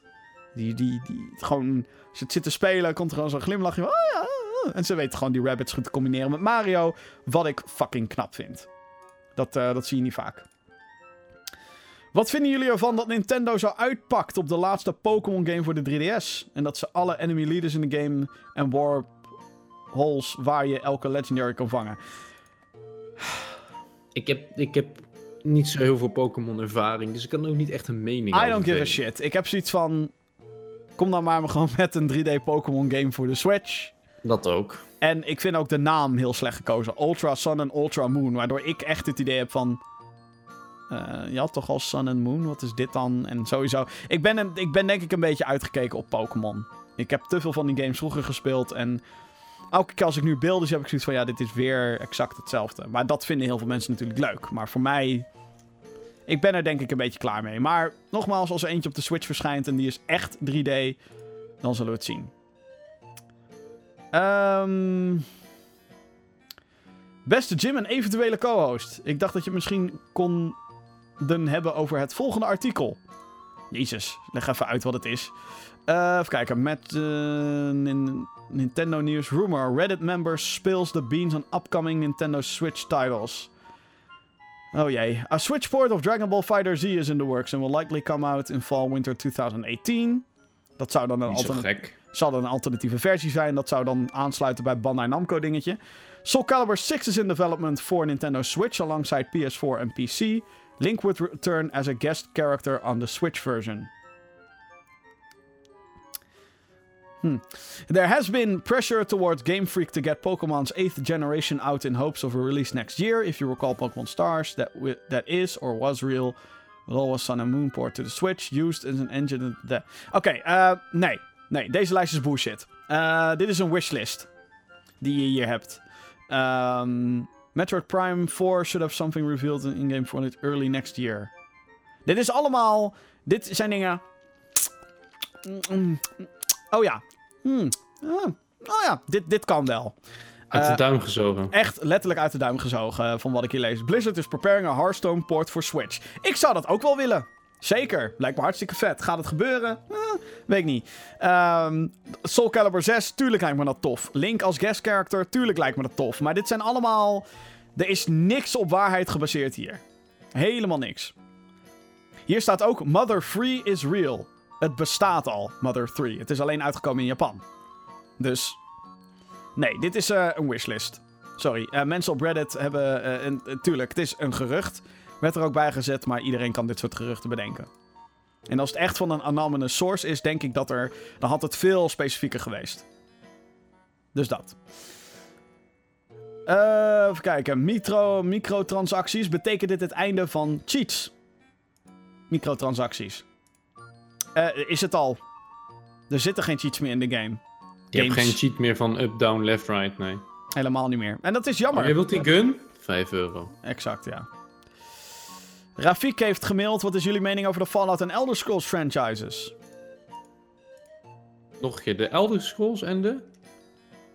Eh, eh, Fallout. Elder Scrolls en Fallout. Wat vinden we Eh, daarvan? Fallout, leuke games. Alleen jammer dat ze bij deel 4 het zo hebben geminimaliseerd wat je qua opties hebt. Zeker Ja. in de zin van gesprekken en zo. Zeker. Ehm, de Elder Scrolls, ja, nooit echt heel erg mijn ding geweest. Terwijl dat eigenlijk wel had moeten zijn. Want ik was vroeger ook helemaal fan van eh, Heroes of Might and Magic. Oh, geweldig. Eh, die first-person game, laat maar zeggen. dat was Ehm, Dark Messiah, denk ik. Dark Messiah, inderdaad. Ja, sorry, ik ben een beetje Might and Magic nerd. Is, eh, Nee, precies, maar dat is inderdaad Dark Messiah. En Skyrim bijvoorbeeld, daar, daar, dat was de eerste waar ik echt mee aan de slag ging van, van de Elder Scrolls reeks. En ik had op een paar momenten zo van, ja, hmm, nee, toch net niet. Misschien moet ik hem een keer opnieuw de kans geven, maar dat is een beetje hoe ik nu over die games denk. Fallout 3, oh, die heb ik helemaal kapot gemaakt. Fallout 3 is fucking gruwelijk. Het is echt zo'n fucking goed spel. Ehm, ik vind beide franchises... wel- Ja, het zijn allebei gewoon staple, gewoon franchise die iedereen kent.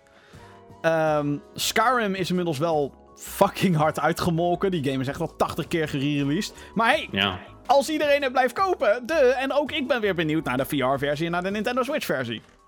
Dus no shit. Ik hoop wel echt dat ze met Fallout, eh, dat ze eh, de boer weer goed weten op te pakken. Want dat de schietactie wat meer centraal stond in Fallout 4 vond ik niet zo erg. Het is alleen jammer dat de rest ook een beetje bleef hangen in 2009. En ehm, dat was gruwelijk zonde. En dat dan de nadruk ligt op fucking Minecraft-achtige build shit die voor de helft van de tijd ook niet werkt. Bah. En niet dat het Ja, niet precies. werkt als in, ja, je kan wel wat neerzetten, maar vaak reageren NPC's er niet op zoals jij dat wilt. En... Ik hoop, ik hoop echt dat Bethesda voor Elder Scrolls 6 en Fallout 5 gewoon een compleet nieuwe engine bouwt. Niet meer terug naar die oude engine. Fuck de Skyrim slash Oblivion engine. Die engine is klaar. Done. Ga Ja, er vooruit. moet echt een nieuwe engine komen. Alsjeblieft. Want dat merkte je bij Fallout 4 heel erg. Dat zoiets was zo, oeh. Oeh, voor een game uit 2015, oei. Kijk naar The Witcher en hoe dat eruit ziet. Mm, ja, mm, mm, eh, step up your game. Overigens zou ik het wel tof vinden als Bethesda na Skyrim Fallout 3 zou porten naar Switch. Ja. Ja, ja. Of, New, of New Vegas. Fuck it. Henk heeft gemaild. Dag beste geeks. Er is vast wel een game waarvan jullie vinden dat je er echt keigoed in bent. Noem er eens een. Een game waar wij van vinden dat die echt goed is? Nee, dat jij, dat jij daar echt keigoed in bent, man. Oh, een game waar ik echt kijk ja, goed in ben. waarvan je echt zegt, hier ben ik goed in. Bam. Ja, vroeger zou dat Call of Duty zijn geweest of Battlefield. Maar dat is tegenwoordig ook wel veranderd. Hmm. Ik ben eh keigoed in... eh, in eh, En dat mag ook wel na 400 uur. Ja, ja oké, wa- wat is keigoed? Kijk, het is natuurlijk heel relatief. Ehm, ik vind dat ik best goed ben in die game. En dat zeg ik niet heel snel. Zeker als je het hebt over online dingen, heb ik zoiets van, ah nee, ik ben, ik ben, ik ben kut. Niet dat ik de hoogste rank zou of zo, al lang niet meer. Maar er was een tijd dat ik eh, echt een diamond rank was, jongen, in Heroes of the Storm. Dus ja, ik heb wel... een ik- game waar ik echt goed in ben. Ja, ik ben wel goed in die, die de strategy games, zoals bijvoorbeeld een Command Conquer en een eh, Company of Heroes 2. Daar speel ik ook bijvoorbeeld tegen de moeilijkste CPU en dan win ik. Dus, maar ook, ja, oeh, het is lastig. En Jazz Jackrabbit 2 ben ik heel goed in. Die game kan ik waarschijnlijk die voor het gewoon... laatst gespeeld? Die eh, kan ik waarschijnlijk. eh, nou, in ieder geval weet ik al die levels uit mijn hoofd. En eh, Maar, maar wanneer heb je die voor het laatst gespeeld? Dat je nu nog denkt dat je er goed in bent?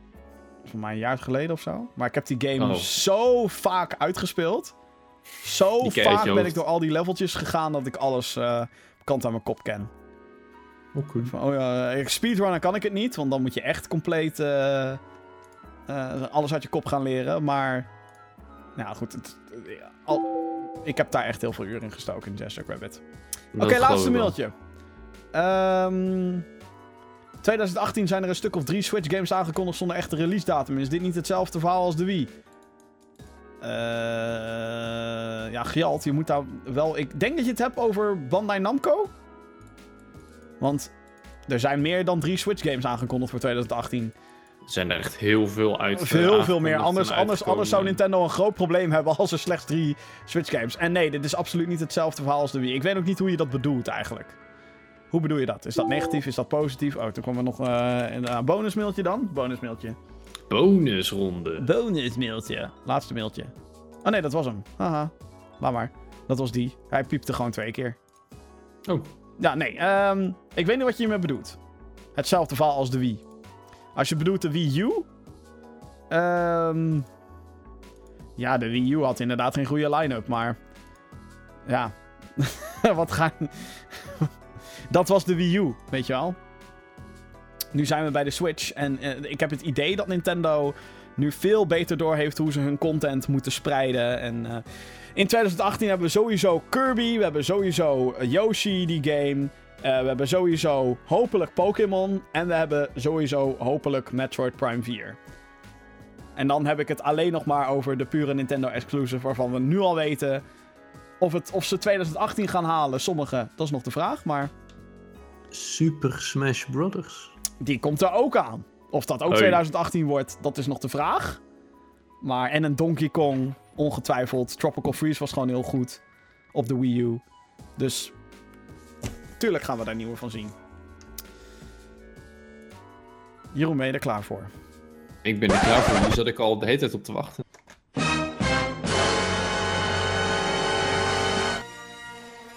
Er is een rel aan de gang. Drama, drama, drama. Het gesprek van de dag vandaag gaat over Star Wars Battlefront 2. Aanstaande vrijdag kunnen wij het front weer op als droid uit episode 1. Als clone trooper uit ep- ep- episode 2. Als Empire motherfucker stormtrooper. als Darth Maul, als Rey, als... Hmm, a new game I have, als Yoda. Star Wars Battlefront 2, dames en heren. Komt uit. Singleplayer campaign zit erin. Multiplayer zit er natuurlijk in. Dan gaat die hele game eigenlijk over gigantisch grote slagvelden. Er is een nogal grote soap aan de gang. Ik heb er ook meerdere mailtjes over gehad uh, op podcast.gaminggeeks.nl. Wat was er aan de hand? Als eerste. Iets schandaligs. Um, Battlefront 2 werd aangekondigd. Ze kwamen met heel veel positieve woorden. Wordt uitgegeven door EA. Heel veel positieve woorden. Geen Season Pass. Uh, geen content daarna. Iedereen. Al, al je shit krijg je gratis. We gaan levels toevoegen. We gaan heroes toevoegen. We gaan modes toevoegen. Bla bla bla bla bla bla. Ranked play en zo komt er ook bij. Nou, het wordt fantastisch, jongens. Het wordt helemaal het leuk. Het was echt gewoon weer te mooi om te geloven. Het en is echt... uh, op de E3 liet ze eerst de gameplay zien. En toen was iedereen van: oh shit, ze uh, combineren zowel de prequel trilogy als de sequel trilogy als de original trilogy. Alles bij elkaar. Holy fuck, hoe vet, hoe vet, hoe vet. We hebben de game ook gespeeld op Gamescom. Game of the show. Deze game. Absoluut. Die game speelde fantastisch. Zag er, ziet er fucking mooi uit. Holy fucking yep. shit. Die game ziet er vet uit. Op een gegeven moment kwam er een open beta. En dat is waar de soap, waar de shit begon. Want er zitten natuurlijk lootboxes in de game. Want hey, je moet je geld gaan verdienen. Uh, op de een of andere manier. En als je dan geen Season Pass uitbrengt uh, voor 60 euro. Dan moet je het met lootboxes doen waar je voor moet betalen. Het probleem was, is dat die lootboxes een pay-to-win element hadden. Dus uh, er zaten star cards in en die star cards maakten bepaalde moves sterker. Niet dat je zegt, oh, doe 2% meer schade. Nee, doe gewoon 25, 50, 75% meer schade. Of uh, als je deze move doet als die hero, dan ben je onverwoestbaar. Dat is een zeer significant verschil natuurlijk met spelers die dat niet hebben. En heel veel dingen waren ook alleen maar unlockable door middel van die lootboxes. Nou kreeg je per level wel één lootboxje. Maar ja, hè, dan is het altijd maar een gokje wat je krijgt. En als je een duplicate krijgt, krijg je credits. En met uh, Republic Credits... Um, je kreeg natuurlijk niet dezelfde waarde terug. Dus dan moet je gaan sparen en meer lootboxes en grinden. Oftewel, geef ons meer geld, geef ons lootboxes. Daar kwam heel veel commentaar op. En logisch, pay to win is nooit leuk. Dus wat hebben ze gedaan? Ze hebben het systeem nu enigszins aangepast. Uh, heel veel van die dingen, uh, zoals wapens unlocken en, en, en uh, extra moves unlocken en zo, dat gaat nu door het levelen. Dus het levelen heeft nu daadwerkelijk zin. Ja, alleen dat is nog niet helemaal zo, hè? Je hebt nog steeds weapons die in lootboxes kunnen komen. Zeker. Nog steeds... Hè? Zeker. Ja. Ja, precies. En je hebt nog steeds uh, dat je... Ja, je hebt echt drie verschillende currencies of zo. Je hebt, uh, hoe noemen ze dat? Scrap wat je kan vinden. Je hebt de credits en je hebt dan nog ook diamonds. Het is echt te veel. Ja. Te veel. Maar ze hebben dus het systeem iets eerlijker gemaakt. Althans, dat zeiden ja, ze. Ja, ja, ja. Nu is het zo dat uh, een aantal reviewers, wij niet, uh, een aantal reviewers hebben de game al kunnen spelen. En daarin konden zij onder andere heroes zoals Luke Skywalker en Darth Vader, zeg maar de twee populairste characters van goed en slecht. Die kan je unlocken, konden zij unlocken voor 10.000 credits. Het is wel echt even spelen, maar het was dan haalbaar voor die mensen om het te unlocken. En wie weet, als je geluk had in een lootbox natuurlijk, oh hey, Luke Skywalker zit erin, holy shit. Waar het niet dat in de volle game het zo is dat zo'n hero 60.000 credits gaat kosten. Die verandering hadden ze toegepast zodat reviewers alvast met die heroes aan de slag konden, zodat ze een impressie van alle content konden geven. Ja. Um, een andere oplossing was natuurlijk geweest: goh, geef een reviewer alles. En zet erbij hoeveel het een normale speler zou kosten. Dat je het op die manier doet. Het is wel heel veel gekut natuurlijk, want dan geef je die reviewers wel een hele oneerlijke advantage tegenover uh, andere spelers. Zo um, so be it. Als ze daarmee eerlijk antwoord kunnen geven op dingen. Ja, nu heeft uh, uh, een gamer heeft dus uitgerekend ongeveer hoeveel tijd het zou kosten om dus Darth Vader of Luke Skywalker te unlocken. Als je al je credits, alles wat je doet, daarop in gaat zetten. Ja, en gewoon Allemaal... geen loot crates koopt en zo. Ja, geen, geen loot crates kopen. Wel alleen op basis van als je speelt. Want je hè, ontvang je met level ontvang je dingetjes en dingen. Het zou je ongeveer 40 uur moeten kosten qua speeltijd om Darth Vader of Luke Skywalker te unlocken. Wil je ze allebei, dan kost het je dus fucking 80 uur. En dat voor een game van 65 euro. En dat voor een game van 65 euro. Dus dat is, dat is weer een beetje een. Of ehm, 60. ja, dat is weer een. een eh, eh, ja, een, een, een, een- Hoe noem je dat? Een aanleiding. Een soort van lokroepje van: hey, ehm, mm, doe maar lekker zo'n lootboxje kopen. Ja, maar zelfs dan met één lootboxje kom je er niet. Dan moet je er gelijk 100 kopen. Nee, tuurlijk. Nee, dat is natuurlijk wat ze willen gaan doen. Wat er vervolgens gebeurde is dat een EA-medewerker had hierop gereageerd. Heel op, op Reddit. Met, hey, ja, we willen het namelijk zo maken dat eh, we spelers die spelen, eh, die willen we belonen. En hey, wat is er mis met het unlocken van een character als je er veel tijd ergens in steekt? True. Daar valt nog wat voor te zeggen. Maar de manier hoe het gezegd werd. En echt de manier van. Hé, hey, maar het is toch tof dat we de, de optie geven om lootboxes te kopen. En nou ja, als je dat niet wil doen, dat je dan gewoon lekker 40 uur in de game kan stoppen. Een beetje, een beetje zo'n hele corporate uitleg was het. Het was een hele. eh, ook eh, vooral ontwijkend. Dat is wat heel veel PR-mensen natuurlijk doen. Dus als je vraagt, goh, waarom ben je fucking greedy? Waarom doe je de lootboxes in?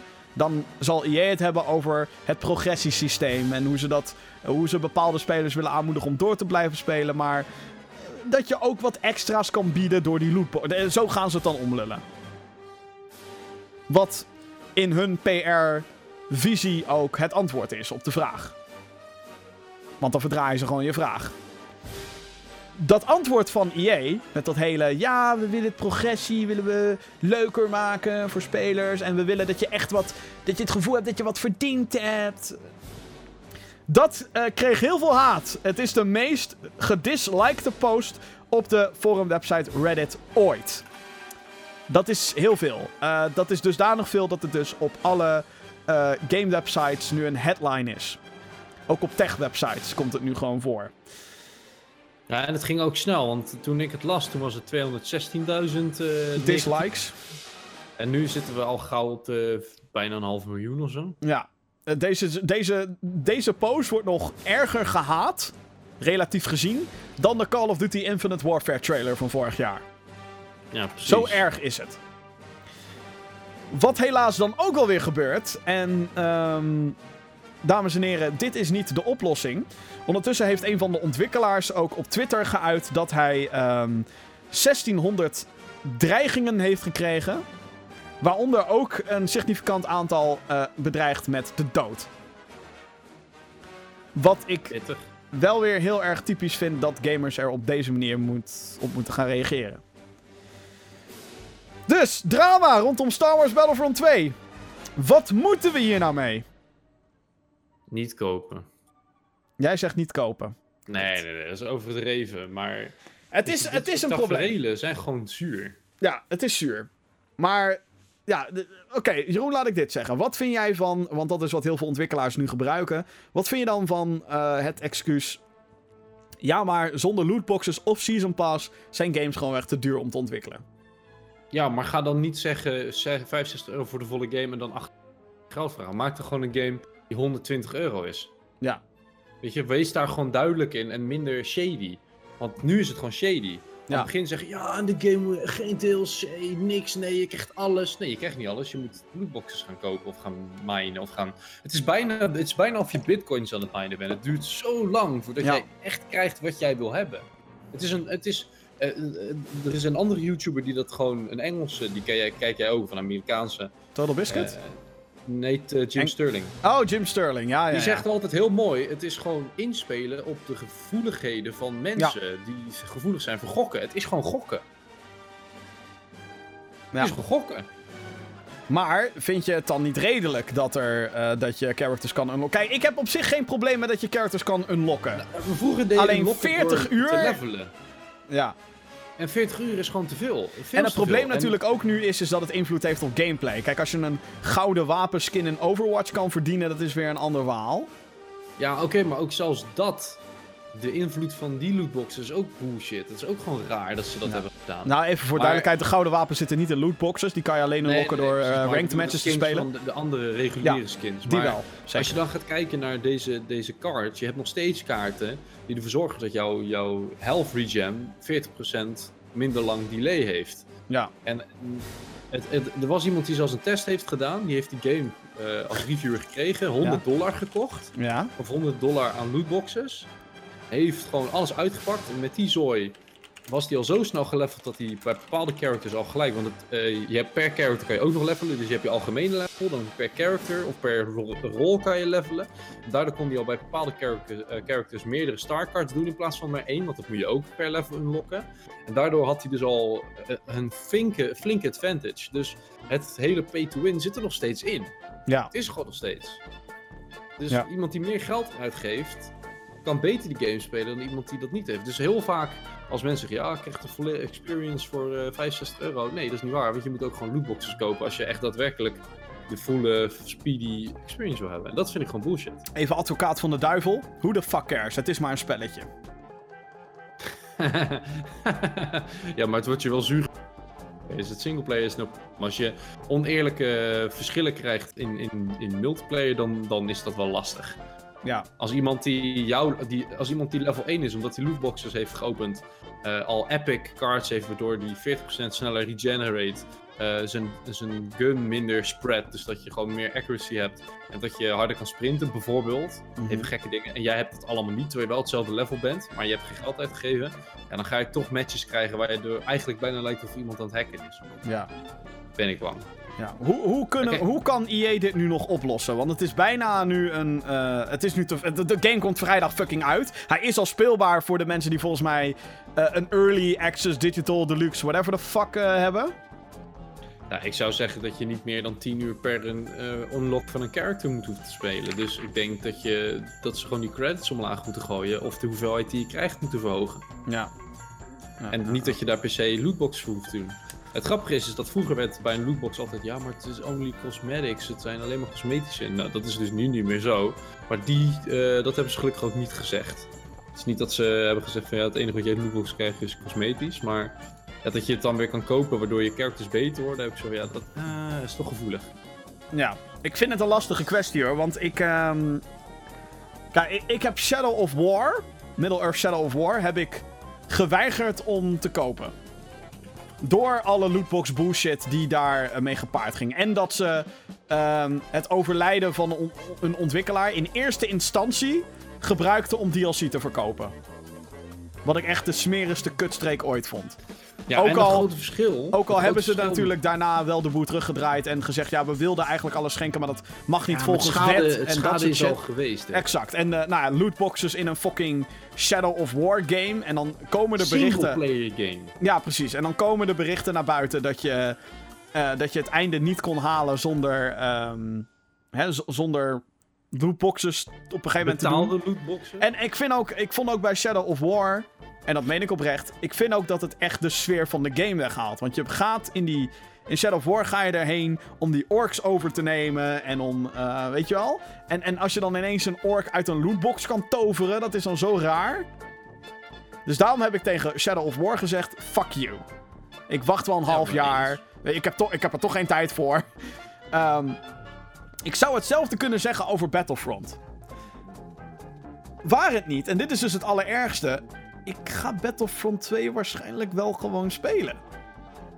Maar dat komt dat je er gewoon heel veel zin in hebt. Ik heb er gewoon fucking veel zin in. Ik bedoel, die game ziet er fucking vet uit. Maar dan heb ik dus ook zoiets van: haal ik mijn eigen argument dan niet compleet onderuit door te zeggen: ja, maar het is al Battlefront. Want dan zegt EA natuurlijk: yo, bedankt voor je fucking geld, lul. We doen het de volgende keer gewoon weer. Ja, ja, en dat is wel een probleem. Dus ze zullen er nooit meer stoppen als jij blijft kopen. Maar Ja. aan de andere kant is het zoals we. het- het- je moet het altijd voor jezelf blijven benaderen. Is het voor mij een probleem op dit moment? Ja. Of vind ik het nog steeds leuk om die game zonder lootbox te spelen? En jij hebt zo van, nou ja, jammer dan dat iemand drie keer een bezoek op mijn bek kan schieten en ik niet. Omdat ik niet betaald heb voor een lootbox, weet je? Dus het is maar hoe je het bekijkt. Als je daar niet aan stoort, ja, dan kan je gewoon lekker voor jezelf gaan spelen. Maar ik denk wel dat jij, net zoals ik denk, van 40 uur voor alleen Darth Vader lokken is wel Dat extreem. is, ja, dat is gewoon kut. Da- da- laten we daar inderdaad heel eerlijk over zijn. En ehm, als je nu luistert of kijkt en je denkt... Waarom doen bedrijven dit eigenlijk? Zijn ze allemaal gewoon te motherfucking greedy? Ehm, Ja. ja, dat zijn ze. Maar waar ligt de oorzaak? En dit heb ik al vaker gezegd. De oorzaak ligt bij het feit dat GTA Online elk jaar met digitale currency, wat dus in feite ook gewoon microtransacties zijn, 500 miljoen per jaar binnenharkt. ja, maar waarom denk je dat daar geen casino in die game zit? Eh, want dan wordt het daadwerkelijk gokken, volgens mij. Precies, en dat mag niet. Ehm, Overwatch voor cosmetische lootboxes. Volgens mij had Blizzard ook iets van een. Ook iets. Dit eh, heb ik niet eh, specifiek opgezocht. Dus, maar. Honderden miljoenen dollars hebben zij verdiend aan fucking lootboxes in Overwatch. En ook Overwatch was toen die uitkwam 60 euro. Dus no fucking shit. Dat alle bedrijven nu zoiets hebben. Wacht even. GTA is 60 euro en heeft microtransacties en ze verdienen er honderden miljoenen aan. Activision Blizzard, hetzelfde verhaal. Call of Duty zal ongetwijfeld ook heel wat binnenhalen met elk jaar Call of Duty lootboxes. Dus no fucking shit. Dat het er nu overal in zit. En het is een beetje, eh, ja, wat kan je er als individu aan doen? Ja, je, kan een statement maken en zeggen: Ik koop geen lootboxes. Je kan nog verder gaan en zeggen: Ik koop de fucking game niet eens. Heeft dat zin? Ehm, tuurlijk, als één iemand het doet, niet. Maar als we met z'n allen collectief, hè, als heel veel mensen op den duur gaan backlashen, ja, dan gaan, dan gaan die bedrijven er ineens wat aan doen. En nu zitten we, en dat moeten we ons ook wel realiseren, nu zitten we op het toppunt van lootboxes. Ja, Heb ik al eerder de- gezegd. De emmer gaat overlopen binnenkort. De emmer is nu overgelopen volgens mij. Ja. ja, maar weet je wat het ook is? Is dat er moet op een moment gewoon een regelgeving gekomen. Want het is gewoon onzin.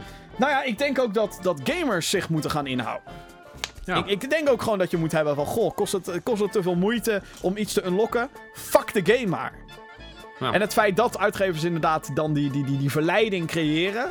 Ja, dat is dan... Ja, dat- die, die creëren ze. Maar dat is logisch, want het verdient geld. Maar dan het kunnen ze dat- nog beter een game een paar tientjes duurder maken. Dat vind ik ook. Dat ben ik dat de compleet met je prijs eens. wat omhoog gaat dan dat ik inderdaad 40, 50 uur doe. Of 100 euro aan lootboxes om een Darth Vader te unlocken. Of kom met een season pass die, het, die de fucking moeite waard is. Ja, precies.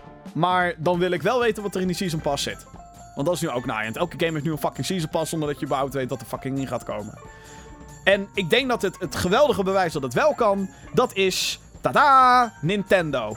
Super Mario Odyssey ligt voor 60 euro in de winkels. Heeft, voor zover ik weet, en als het er wel in zit, fuck you Nintendo, heeft op dit moment nog geen season pass. En heeft geen microtransacties. En toch weet Nintendo daar winst op te maken. Terwijl het een game is die maar op één platform verschijnt. Goh. Hè? Dus dat hele argument van we hebben geld nodig. Ik geloof je niet. Sorry. Ik geloof je gewoon niet. Het is gewoon meer geld binnenhalen. En tuurlijk, dat wil je als bedrijf, dat wil je als mens. Je wilt gewoon meer, meer, meer, meer. Zo zijn we nou helemaal gebouwd. Ehm, en als we negatief, eh, eh, hè, als we, als we over iets willen klagen, gaan we er veel vocaler over zijn dan wanneer we iets tof vinden.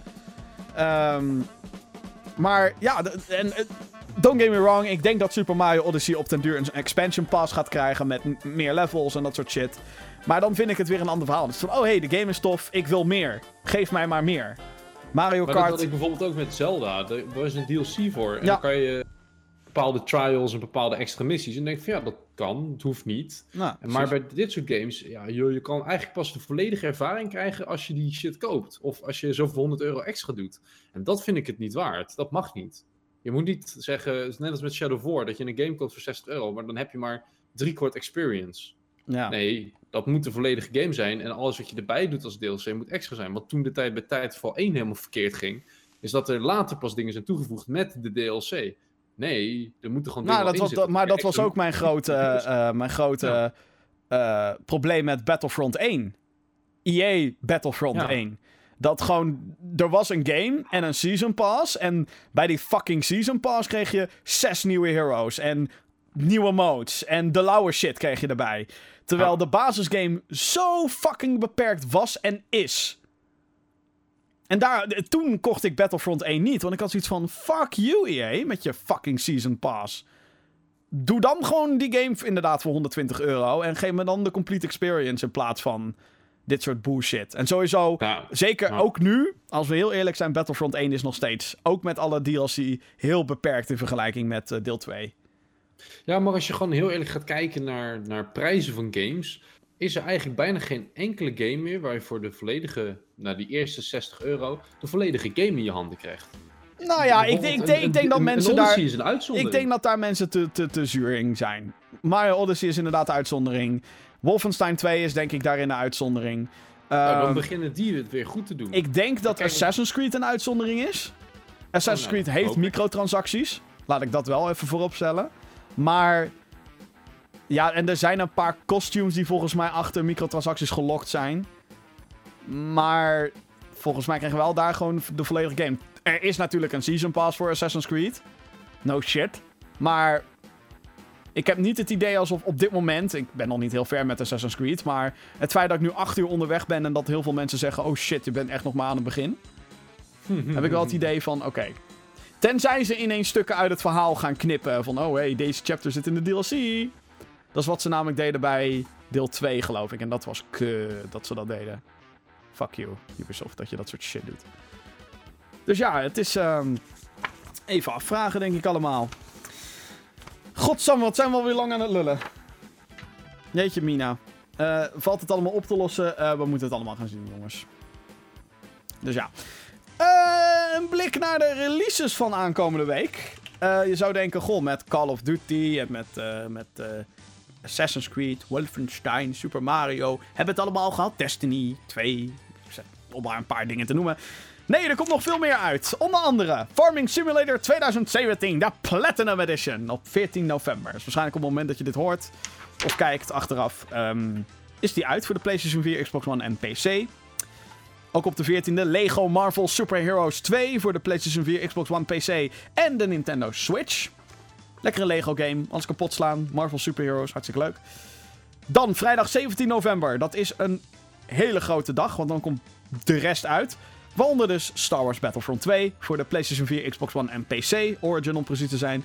Pokémon Ultra Sun en Ultra Moon, die we eerder al, eh, waar het eerder al heel kort over hadden. Die komt dan eh, op vrijdag de 17e van november uit voor de Nintendo 3DS. The Elder Scrolls 5 Skyrim krijgt twee re-releases. Eentje op de Nintendo Switch en eentje voor de PlayStation VR. Beide op vrijdag 17 november. Ik ben benieuwd naar beide versies trouwens. Rhyme komt naar Nintendo Switch op 17 november. En The Sims 4 komt naar de PlayStation 4 en de Xbox One ook op 17 november. Eerder deze week is ook al de Cats and Dogs expansion uitgebracht voor PC. Sims 4 is ook wel echt zo'n game waar je bijna niks meer over hoort. Ik heb zo'n idee dat het een beetje teleurstelling is geweest. We zijn eh, aan het einde gekomen van eh, deze editie van de Gaming Geeks podcast. Het was een hele lange. Als je vragen Ja. of kwesties hebt voor deze show... Je kan natuurlijk de hele week mailen naar podcast.gamergeeks.nl. Bedankt weer voor alle mailtjes en eh, de mensen die eh, live hebben meegekeken. En als je nu luistert of kijkt, super vet dat je er weer eh, bij was. Ik waardeer het enorm. En nou ja, goed, als je ook iets behandeld wil hebben in de show, podcast.gamergeeks.nl is ehm, dan het adres waar je moet zijn. We maken ook eh, meer dan alleen deze podcast. Sterker nog, we maken video's op www.gaminggeeks.nl en op ons YouTube-kanaal. Eh, dus ga daarheen als je ons eh, een beetje wil steunen. En soort van, goh, wat doen die gasten nog meer? Ehm, onder andere deze week de First Look 2017 repo, reportage, die staat online. Waarin we een aantal coole sprekers spreken over 10 jaar First Look. Onder andere eh, Jan-Johan van GameKings, eh Dennis de Bruin van 2K Nederland en Bianca van Dort van Nintendo. Die spreken. En Leon Winkler van Ubisoft. Die echt geweldige uitspraken gedaan Dat gaat tijd, de tijd toch weer snel, hè? 10 Gewoon jaar. Tien jaar. 10 jaar First Look, holy shit.